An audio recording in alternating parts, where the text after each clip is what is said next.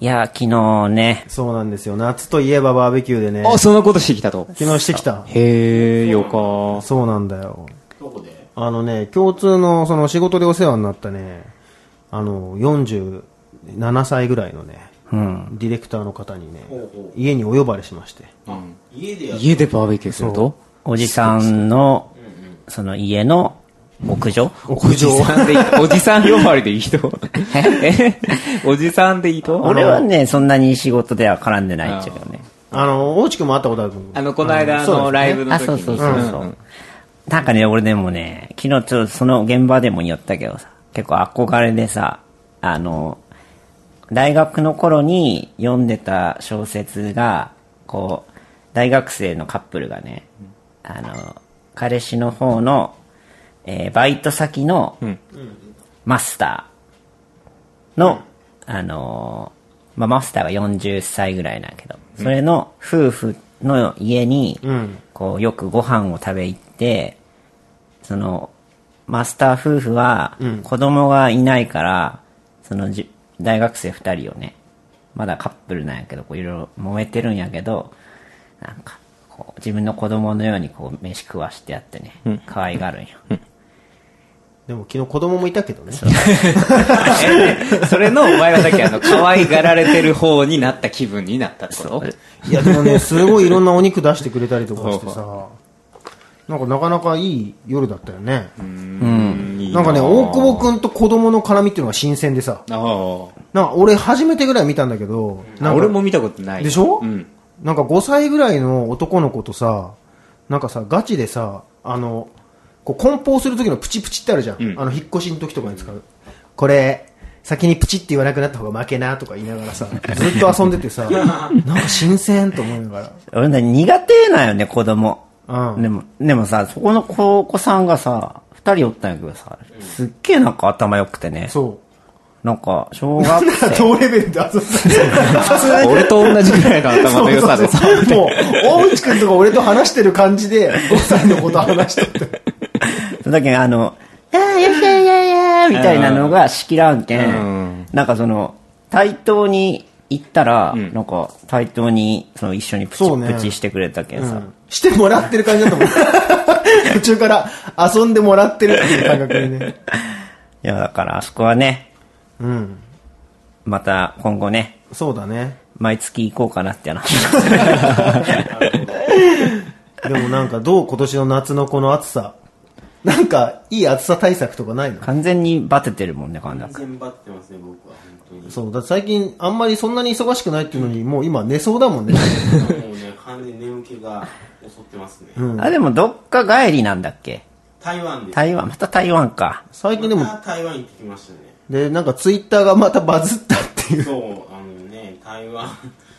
台湾に行ってきて、もう台湾より東南アジアより東京の方が暑いですってツイートしたら、170なんいくら RT を。えなんでなんで出しましてみんな思ってたってことなんだろうね。それであの、まあ、高城剛も昔言ってたんだけど、まあ、高城剛の本で「サバイブ南国日本」うん10年前以上出てて、日本南国になるからライフスタイルを南国仕様にしないとやばいぞっていう言ってたね書。いてて、うん。まあ、その通りだねみたいな早く日本の社会ちょっと対応し順応していかないとまずいよねみたいなこと書いたら、うん。 170なんとか RT でずーっともう通知が鳴り鳴りっぱなしで。うん。へやっぱみんな持ってんだなとなるほどね。もう僕もそれ実感してタラップ飛行機に降りたら東京の方が全然暑いからもうん。う嫌でしたね東京はーでも、あのーほら、うん三1950年代ぐらいとさ、うん。あの今の気温さ、うん実際へ比べてみたらさ、うん大して差ないっていうさなんかニュースで撮ったよねなんかちょっと見た気がするけど、なんか俺はちゃんと見てないな。暑くなってるっていう言われてるけどど単純に日本人があの暑がりになっただけでうそうかな。でもそのほら、史上初、まあ、きゅ今日の時点でっけ、史上初8日連続猛暑日みたいなニュースをやりようわけや、ん、でも変わらんとかやねっていうだからコンクリートの照り返しとかそういうそこよね災害時のかんあれとかでしょ多分うんそれは思う室外機よ夜も暑いもんだってその日が落ちたけんどうのこうのってならんけんねそうね。それだけ単純にみんながエアコンつけてるからでしょいやーその差もあんのかもね。エアコンが当たり前になってるからさ、その外出た時にさ、異常に暑いねと思うかもしれないしさ。だって俺あんまつけて寝きらんちゃうけど、うん。あのベランダ開けて寝るやん、うん。そしたらべ隣のベランダに室外機あるけんさあ、もわそーうその熱風がすごいもんね野間さんの元メンバーの 熱気が熱気と部屋の香りが。そこはかとない。あ 野間さんやんあ、懐かしい匂いがあるんですよ。もう微妙なんかいろんな感情がで寝れないっていうねまあそんな夏ですけどもね、あのー体調をね崩さないようにそうですね。はい頑張っていきましょう、はいはい。えーアナ大久保とセンスイマサチェリーのレディオレックス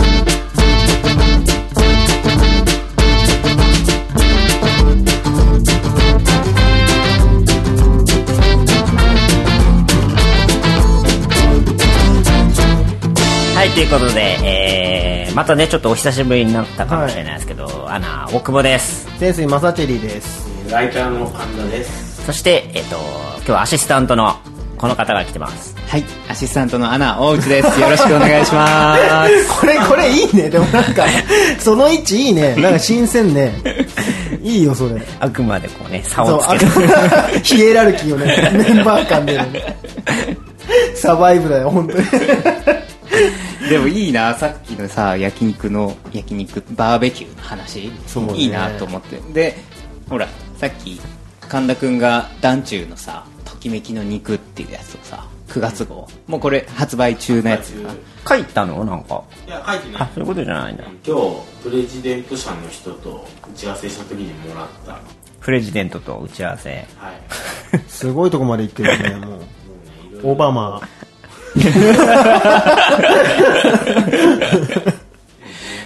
最近何かとちょっとさ俺も美味しい肉をさ食べさせてもらうことがあったんやけどさ、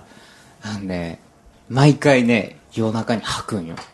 えそうなの もう体がいいもん拒否してるね、の。いいもんを拒否っていうかね。で、吐いて出てくるのがね、油の塊。ああ、そう。結局このいいさ、日本のさ、いいお肉って言われるやつってさ、その刺しみたいなところやったりするやん。油がなんかとろけて美味しいみたいな。その油がもう俺消化してくれんでさ、うん全部油だけ出てくると、吐いたら、あ、そう。白いのが俺ブワババーって。俺さ、肉についてさ、ちょっとあってさ、こう、赤身肉が好きなのね。あ、いいなぁ。 だけどね、俺思うんだけど、日本人って、牛肉を食うときに、なんかマグロ意識しすぎじゃねって思う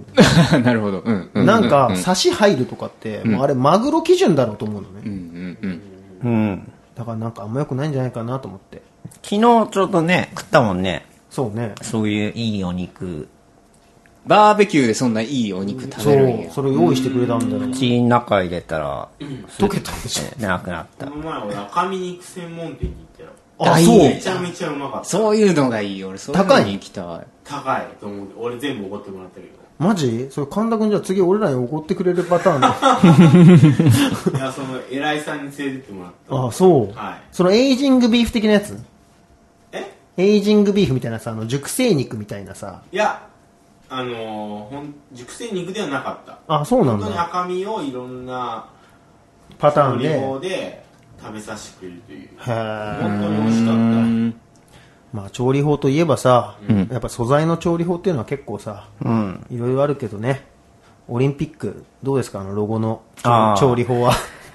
佐野健佐野健さんね。デザインパクリ疑惑ね。佐野健パイセンね。なんだよくわかんないけど。オリンピックはね、なんか、いろいろね、ん何かにつけて褒めてますけどね。そうあねれデザイン、まあ、この中で言ったら、大内が一番デザインにはこうるさいことで。う、うるさい。全然うるさくない。違う、あれやろ、ネットのまとめとか見るのが好きやけんさ、たまたま目に入るだけやけどさ、まどあう、そどうの、なん見解は。デザイン業界的な人が、ちょっとこう、つぶやいたもののまとめみたいなのがあってさ、まあ、ああ、なるほど、言いたいことは全然わかるよっていうのが、まあなんか、おかんがアニメのキャラを見分けられないのと同じっていうのでさ、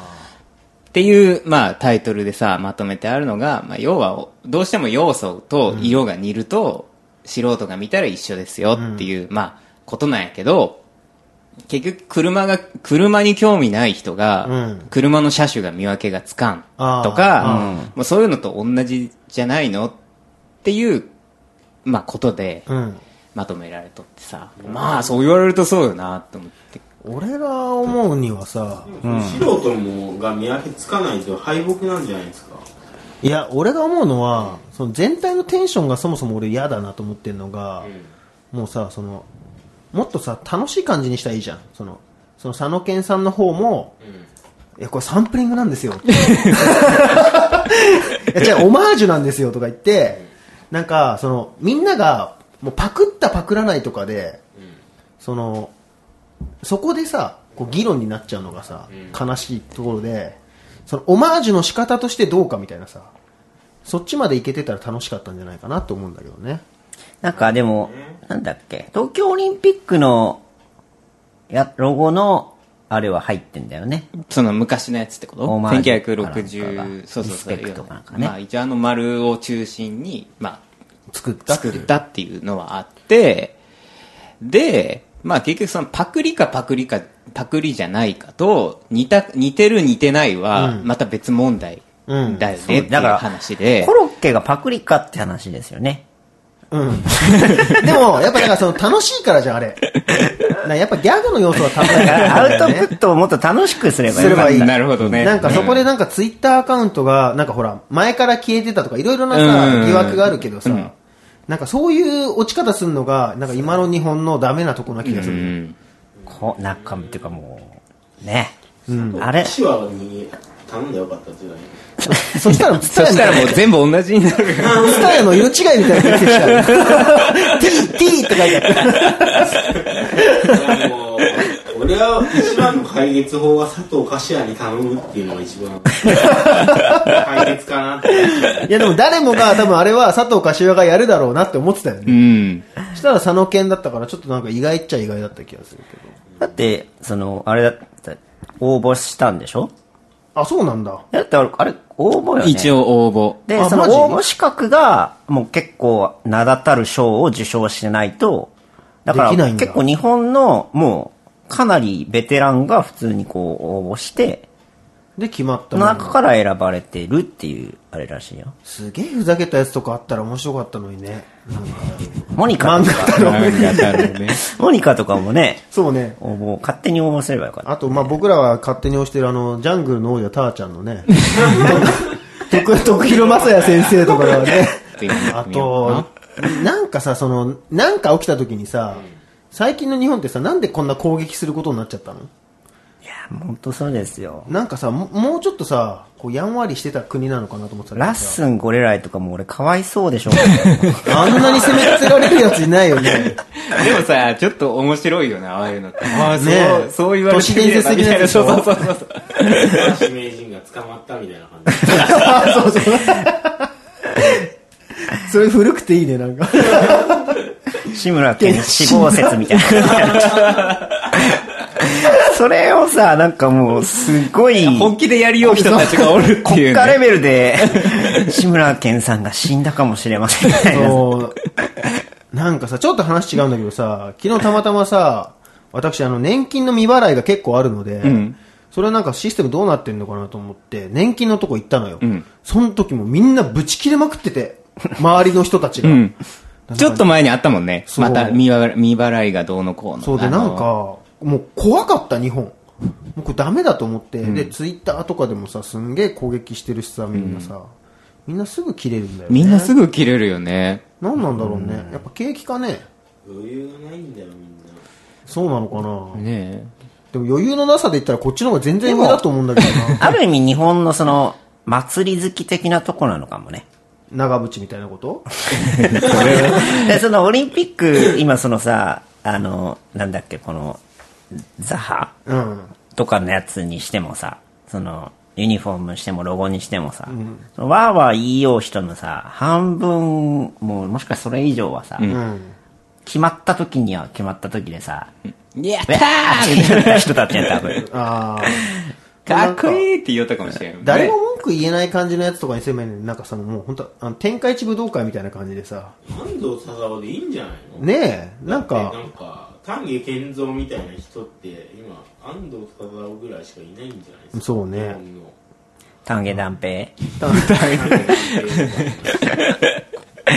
ジューじゃあ、 マジ安藤忠雄ぐらい他誰がいんのかないや、だからやっぱり、熊、熊健吾じゃないの熊健吾熊健吾磯崎なんとか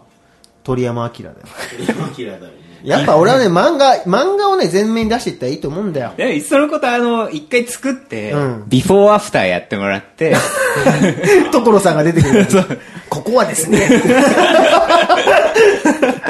で、あの、あの人、なんとか淳に、渡辺、渡辺なんと淳か が、淳に、中をね、探訪してもらって。そういう昔からのね、カルチャーを入れていけばいいいんや、じでゃないもなんかね、その、なんかこう、もうちょっと緩い感じとかね。そうだよね、うん。はい。ということで、はいえー、まあ夏なんでね、ここで一曲聴いてもらいましょはいやっぱ海行きたいしね。う。行きたいね。今行きた年まいだ行ってないもんね。なんだかんだで毎年行くよね、俺。一緒に行きようと。なんだかんだ来て俺東京来て、毎年先生君と海行ってないっけ海行ってると思うう。ん。なんか俺たち多分ゲイだったら超楽しいと思う。俺たちそっちだったらね、すげえ楽しい日々だと思うんだけど、じゃあ今年も行きましょうってことで、はいえーアナの、そのね、夏っぽい曲を聴いてもらいましょう。アナで、渚にての、レックスバージョン。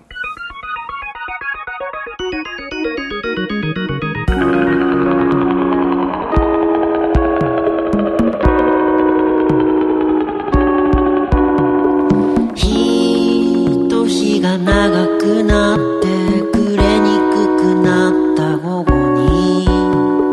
海岸を走るにビ色の車でホテルのビーチで君越しに見える景色をいつまでもいつまでも見ていた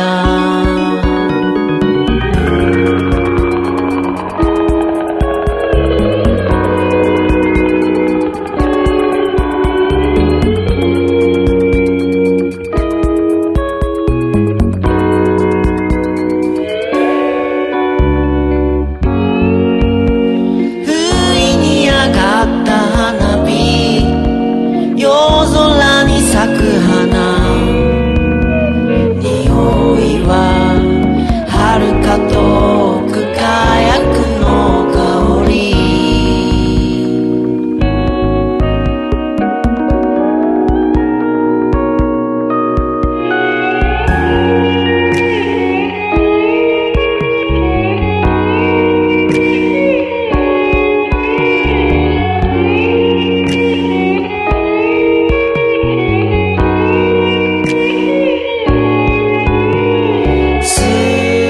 少し寂しげで悲しいわけじゃないのさ君の顔を染めるテールランプの赤夏の魔法にかかった僕らの足跡波が消してしまうまでの Yeah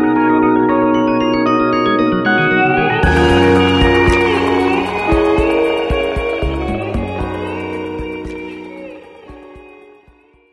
アナ・オクモのセンセのレディオレックスこれころはマックス MC モニカの自由形はい。はい。というわけで、これはですね、あのー、ウィークエンドの、僕、もともとウィークエンドというラップユニットやってたんですけども、それの負の遺 産。今、えっ、と、ビデオの大家くんこと MC モニカが、毎回こう、与えられたリズムに対して、適当なフリースタイルを送って返すという。うん。フリースタイルって、とも言えないから自由形って感じですね。そうね。もうフリースタイルっていうか、完全に緻密に計算してる回とかもあるから ね。全然フリースタイルじゃないだろうって。何回も重ねて録音されてる時あるけどだって本人に、本人来た時、なん、何の時だっけこの、この時に来た時かなんかにさ、あの話してたのがさ、一日はそのことを考えて望むねって 言ってた。全然緻密に練り上げてるんじゃねえかっていうね。でもままあ、あでもね、人気コーナーなそうのですよで。。で、あの、久しぶりのリアルタイムで、はい。あの、急遽録音するんで、よろしくって言ったところ、来た大家君から、はい。あ、ありがと昨日の深夜1時過ぎに、 こんな時間にこの作業してたのかって思うと、なんか僕は悲しい気持ちになってる。 う。いやでも俺は逆に、今、なんだろうな、これをさ、このまま、あと10年とかさ、もっと続けて、月に1回、大家くんからそれが届く生活で、いいなと思うよ。そうね。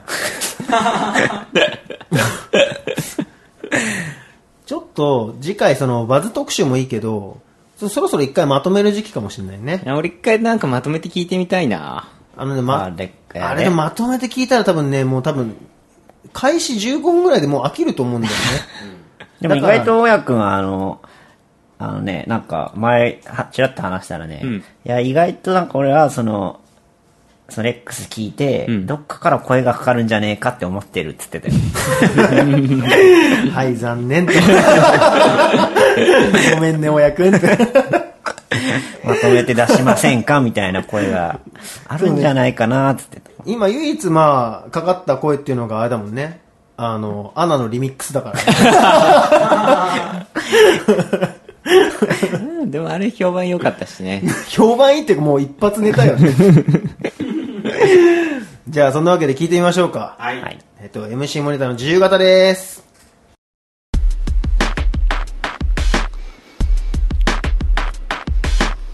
俺がラップするパンダここからは何を聞きたいか教えてやろういや俺がラップするパンダここからはそう君のチョップ食らうように俺にもラップさせてくれないかお前の言い方は狂い腰だテレビを見ながらパチンパチンと肌を叩くようにパツンパツン Saray, saranda saranda. Hey, 縦ラインから見つけてくださいませんか縦ラインを見つけてくださいませんかバサロヘイホー見てるようなこと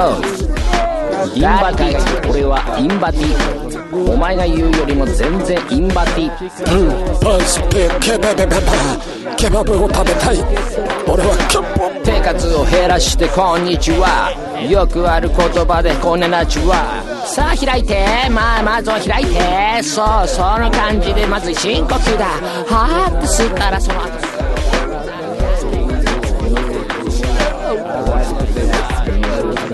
そうまめに言ってくしかないそんなごち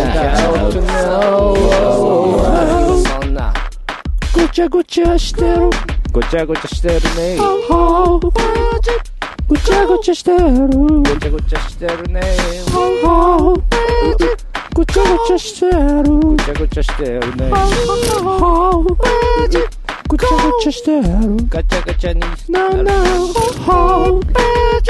ごちゃごちゃしてるごちゃごちゃってなんだごちゃごちゃしてるごちゃごちゃってなんだごちゃごちゃしてるごちゃごちゃってなんだごちゃごちゃごちゃごちゃ言うなはい、というわけで。これね、イヤホンで聞くからね、まあ、きイヤホンで聞いたところだやけど、イヤホンで聞くからとりあえずよくわからんよね。よくわかんないし、これ分かったらやばい気がする。 いやーでもファンタズマ以来かもしれない。このイヤホンで聞かないよ。人、聞かないかんみたいなやつは。人力ファンタズマ。そうね、あの、早すぎてよくわからんのかもね、良さが。いや、でもなんか、なんだろうね。なんかちょっと哲学の世界に突っ込んでる気がする よね。なんか、世評っていうかさ、この、なんか、世を切ってる感じがするよね。なんか、オープニングで喋ったさ、あの、ね、オリンピックに関してさ、みんながガーガーガー言いよう感じじゃないなあそうだねなるほどね。あー今の世の中っぽいってことね。ごちゃごちゃしてると。 で、ごちゃごちゃってなんだみんなこう、あれだよね、フリー、あのー自由形を、そういう方向で楽しんでいってほしいよね。こう、裏読みするっていうかさ。 多分そんなこと何も考えてないけど。だって俺がちょっと耳に入った単語で、今世界水泳がありようけん、なんか、水泳のなんか泳法の話し よったやろ。あとケバブがどうのこうの。そうだねこれは多分夏フェスっぽいこ う、ところから多分 出てきたんじゃねえか。んねジロックさ ん、一日だけ行ってた から。 多分なんか明らかにこう最近のことがスそうスッと出てきたなっていうところあがーそうね何箇所かあったけど。まあでもすごいのはやっぱりこう、相変わらず、想像してないものが出てくるとこですかね。そそうね。なんか、こだけはすごいですよ、やっぱ。こんなクソみたいなものに時間をかけてくれるってだけですごいも んね。世の中の人がさ。もうクリエイティビティの塊ですよそうだね。 本当にクリエイティビティの塊だよね。なんか、クリエイティブをなくしてさ、あんなこと何もできないもんね。できないできないということで、来月も、そうだね。はい、楽しみにしております。アナ・オクボと、センセイ・マサチリの、レディオ・レッツアナは BL 方向は本当にないのあるかもしれませんね。ないかもしれません。潜水マサシェリー、独立記念。フリーに生きる とは、I want to be free! イエーイありがとうございます。えっと、ねこのこの度ね、どうぞあの私、センスマサチェリー、ちょっとですね、今まで会社勤めをずっと長らくしてきたんですけども、独立することとなりまして、ついにあの、フリーライターの神田君に弟子入りするような形でですね、仕事のおこぼれをいただきつつ、僕ならざるを得なかったでも、それは本当にそう思った。逆に言うと、ならざるを得ないんだなっていう。ねこの間の就職特集的な感じの第2弾になりそうなテンションですけど、大丈夫ですか、神田さ大ん丈。夫大丈夫ですまあ、せここ二人はね、潜水艦ではだから、会社勤め経験しつつの、そうですね。からフリーになった。そうですねちなみに神田君はどれぐらいの期間会社にいらっしゃったんですかね。僕は新卒の会社は1年と3ヶ月1年と3ヶ 月。はいそれで途中また会社員になったんですけどその時は3ヶ月はい。でもうもう一回会社員になったんですけどそれも3ヶ月以後フリあ、そうなんですか。はいあ某 F 編集部とかには、ーもう F はあれは会社員じゃないんですよ厳密に言えばあ、そうなんです業ね。務委託契約というもので専属契約でなあ、なるほあど。の一応固定給は出るんですけど、うん。あの身分的にはフリーと一緒ですなるほどね。僕らは、だから、ずっとそうです、だよ。そうでしたよ。そうです。ねな、ソニーの専属契約。はい。なんか、給料はもらうけど、別に会社員ではないみたいああ。だ二人は今さ、そのもう、会社員になったわけじゃない。逆にここ1、2年でね。な。そうですね。僕はだから逆に、フリーター、まあフリーターというかその、フリーで、フリーターではないけどね。 そんな気持ちでは別におらんやっ生たけきど。方としては自由な感じで生きてきて、そうだね。だからまあ音楽も、レーベルには所属、今もしてるけど、なんか、別になんかね、契約って感じでもないし、でソニーの時もまあ、その言ったみたいなそうやしね。だからか逆逆に二人はだからフレッシュな感じなんじゃないの今会社勤めが。でもなんか、会社勤めって言ってもっていう立ち位置でやらせてもらってるから、そうだね。やれてんのかなって気はするけどね。そう、でもまあなんかフリーってどうすかフリーの長い神田さんからすると僕はもう僕はもうあれですねもうフリーがもう最高です最高ですかはいもう会社勤め二度とやりたくないですね家とかでさ、はい特に神田君はその事務所とかもないからさ、はいまあ、家で寝て起きたらそこから仕事するしないも自由なわけじゃんそうですねそれがいいですそれでなんかどういう一日の組み立 てなの僕はあれですねそのなんかね会社に行かなければならないっていうプレッシャーというかそういうのがあると朝起きれないんですけどダメな人それはさ、その、会社云々とかの話でももうないんじゃないいやでもいやそんなことないですよやっぱり毎日行かなきゃいけないっ毎日て行かなきゃいけないっていうプレッシャーがある と朝起きれないんですけどフリーでまあ別に何時に起きてもいいっていうふうになるともうすがすがしく6時ぐらいに起きるんですよね目覚ましだって僕持ってないですからそうだよね。だって、神田くんからさ、Facebook のメッセンジャー、くだらないメッセンジャーは来るけどさ、 6時とかでしょ朝6時とかにもうこっちはさ、もうあと数時間で出勤しなきゃって思ってるのにさ、なんか潜水君とか、そうなんですよこの間何々ちゃんからメール来たとか、マジでいいなとかいうねやりとりをね、延々ね。本当だからめ目覚まし本当フリーになってから目覚ましかけたことのほぼないあそれはでも健康的なんだね本当に精神が6時とかに起きるんですよね勝手に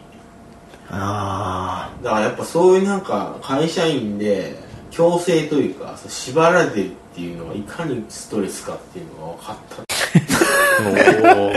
えどうしてどうしてんのリアルにその一日代表的な一日の過ごし方としてはさまあ朝6時ぐらいに起きて、うんでまあメールとかチェックして一応うんでまあメール来てたら返信したりとかしてう、んでなんか朝ごはん食べてでさあやるかと思ってやらずにフェイスブックとか見 てはい見てまあなんかちょこちょこなんかコメントついてたら返信したりとかしてでなんか制服起きてたらチャットでチャットで邪魔してでまあぼちぼちやるかとはい原稿1本書いて、んで2度目いやひどいですよ6時に起きてるって自慢してますけど6時に起きて8時から二度寝が始まるんですも んしかも、家が聞いた感じ、その間2時間、ほとんど Facebook してたから、メールチェックしとだけやん。二度目してでまた原稿に戻り、はまあ原稿をまあ仕上げいはいまあ今日はこんなもんでいいかと。で、昼ご飯食べて、はいで、午後からどうしようかなと思ってたら、なんか編集部が電話かかってきたりして、神田今から来れるかみたいな。うんまあ、編集部遊びに行って、打ち合わせして、あ、今日は仕事したなと。最高じゃない ですか最高ですね。その未来に対する不安みたいなのはないのない。あそれはすごいねだって会社員でも一緒じゃないですか。未来に対する不安。一緒だよねうん。変わらんよね変わらないから、それでも自己評価は変わらんけどさ、周りの評価は変わるやん。あー多少ね。そっちは気にならん感じなん。そっちはまあ最初は気になってましたけど今僕多分どっかの会社勤めてるよりも今すごいいい媒体でやってるからうんうん。自信ある、うん会社員でどっかやってるよりも自信はありますね、自信と金がありますねなるほどね、一方かなり自由な感じだけど会社勤めをしてるアナ2人、んこのこの見事な逆転いやー、逆転したね。 はどうなのそのそのさ逆にずっとフリーランスみたいな状態でやってきたわけじゃんうん。でなんかそこからさ会社に入ってみるかっつっ て入ってみてさでもなんか結構自由に多分2人ともやってると思うんだけど、うんどっちかっていうと俺でもそのフリー指示だからね。あ、そうなんだ。単純に今働いてんのは、その、フリーのスタンスで、なおかつ、その、自分がすげえ苦手な税金のこととか、全部やってくれて、結構そういうのがでかいかな。ああ、なるほどね。なんかもうめんどくさいのやってくれて、あとは極めてフリーに近い状態に折れる。ああ、それはいいね。朝まあ起きるのとかは、でもどっちにしろバイトしよったけんさ。結果起きるは起きるぞと。なるほどね。まあなんか、僕は1週間目なんですけど、めちゃくちゃ今楽しいんですよ。実は結構抑えてる感じっていうか、楽しいっすよフリーもはう本当こう、実は頭の中はもう本当にね、マッドマックスみたいな感じ。なんか本当に荒野を突き抜けていってる感じなんいやで、だって全部自分の責任っていうのが一番楽しいっすよ楽ちんですよね。はいいや、でもそれは本当ね、すごい。と思う、あの、フリーの人はね、俺本当にね、自分もそうやったけど、すごい尊敬する。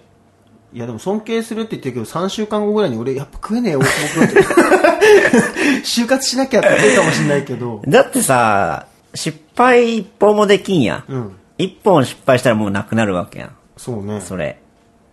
なんかそれで、の、だから音楽にしてもさ、俺音楽は未だにそのフリーのスタンスでやっとうけんさ、何かこう頼まれた時に、やっぱこう手を絶対抜けんやんね。で、これ依頼されて、あの、ダメなものを作ったらもうそこから二度とうん。話もこんし、神田君とかはでもたまに落としますよね。落としますね早めの総論言っていい、今もうほとんどの業務は要はパソコンがやってくれると思うのよ、うんで例えば雑誌こう今テーブルの上に雑誌があるんですけど、これ昔作ろうと思ったら社食屋さんがいてさ、でこうすごい大変だったと思う1ページ作るにも、だけどさもうさパソコンがあればさ一瞬でこれができちゃうわけじゃん、とかなってくると、単純にその今までだったら共同作業で企業みたいなところにしっかり集まってないとできなかったことってあるじゃん、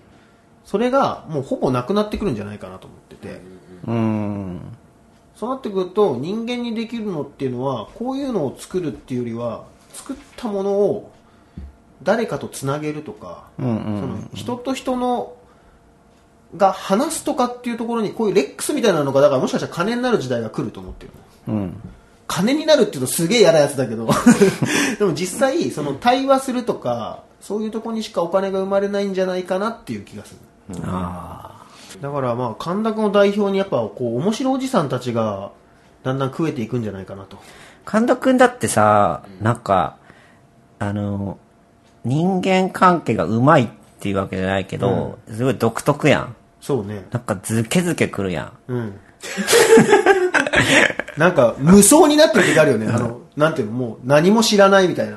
俺ね仕事になるとねずうずうしくなるんだよねああそうそうなんかこ仕事じゃないと全然なんだけど、うんなぜか仕事が入るとね食い込むんだよいや、すうすごい。ごいよね、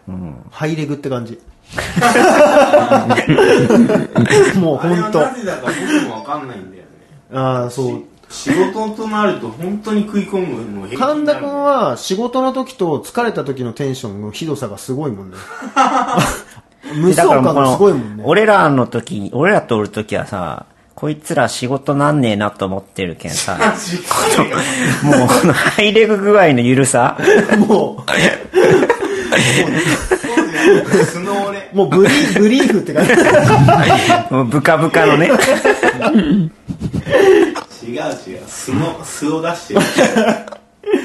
そうだな、なんか、だから神田くんは、その、未だに、俺不思議なのが、やっぱその、すごいこうさ、優しい瞬間とかもあるわけよ。話してて。あ、この人結構こう優しいなとか、思う瞬間もあるんだけど、その5秒後ぐらいに鬼みたいな目して、すべてを無視して外を見てるとか、なんかもうそういう瞬間が来るから、この人どうしたんだろうってなんか、いやいやいやすっごい面倒見いい一面があるのに、なんかある時から急になんかこ、こいつ全然知らねえみたいな、ゴミを見るような目になる時なのか。 いやいやななんかあれがこう、なんか神田くん独特の、すごいところだよねだからやっぱこれから皆さんねあのフリーになってであれですよパソコンの邪魔をしないように楽しく生きていくっていうのがパソコンと仲良く生きていく。仲良くっていうか機嫌を損ねないように、パソコンのね生きてい。くあ、でもそれは大事。俺はだってパソコンに機嫌損ねられたらもう終終わわりりなんでだしかょら。るね多分みんな今多分パソコンにさそのずっと使ってる自分のメインマシンとかがさ、ある日お釈迦になりましたって言ったらさもうその日一日全く何もできないじゃん、そう。だからねもう今ねパソコンの邪魔をしないで生きるっていうのがねこう一番いいと思うんだよ、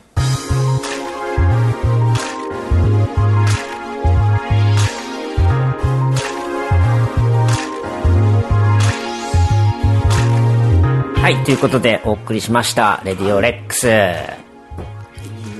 そうですねなんか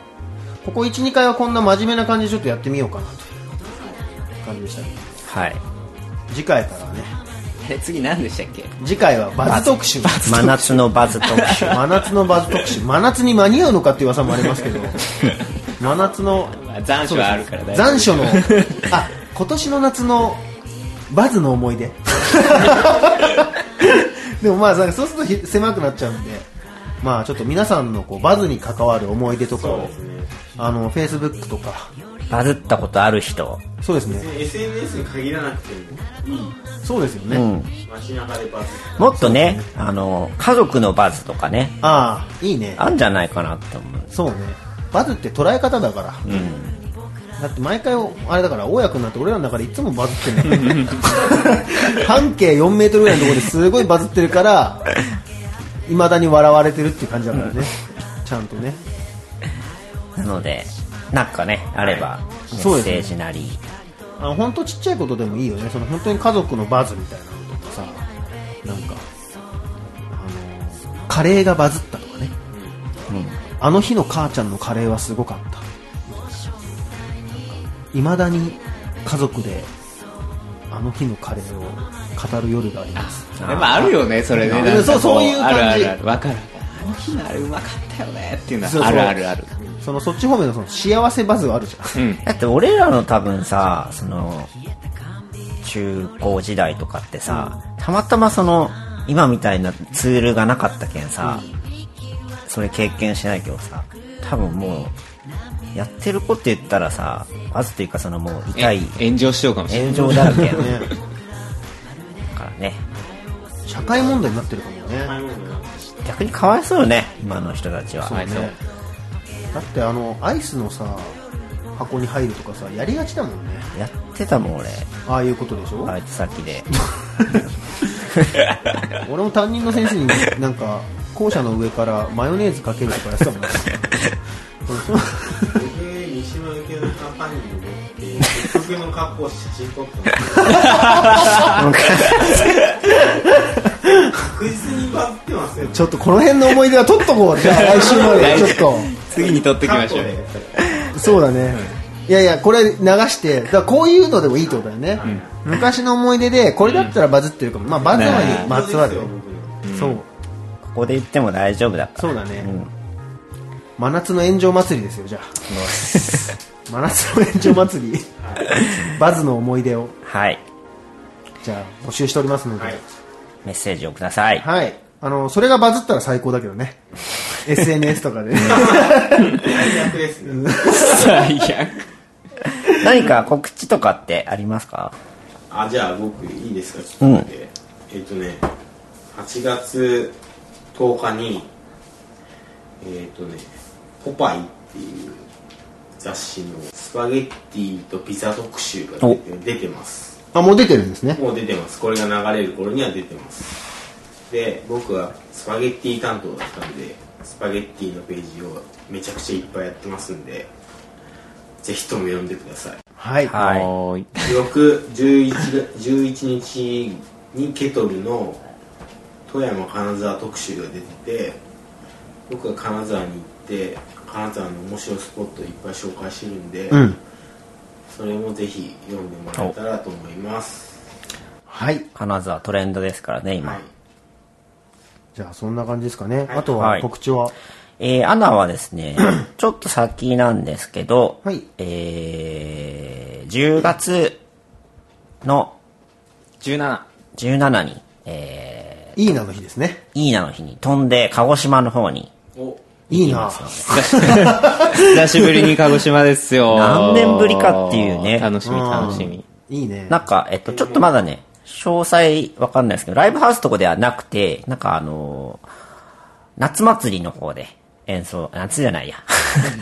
あの秋小祭祭りり秋祭り で演奏しますので、ちょっとまたこれウェブとかで告知しますので、いいな、ちょっとなんか鹿児島行きたいですね、一緒行きたいにで。すね僕にで、その流れでおそらく、行った次の日18日も福岡あいいですねやろうかなこちらも企画中あでーじすゃあのちょっでと、そのタイミングで行きましょう。僕はもう行くことに決めまし た、今。なんなら僕は解き放たれてるから。それができるからフリーだよね。そうですね。それができなきゃ不利になる意味ないですからね。ということですので、ちょっとお楽しみにお楽しみにということではーい、よろしくお願いします。僕は解き放たれたので、あの、ようやく自分のやつを出します。はい。はいはい。そんな感じです。じゃあ、また来月、来月どうも、バズで会いましょう。はい皆さん体お気をつけください。はいそれでは、レディオレックスでした。お疲れ。ス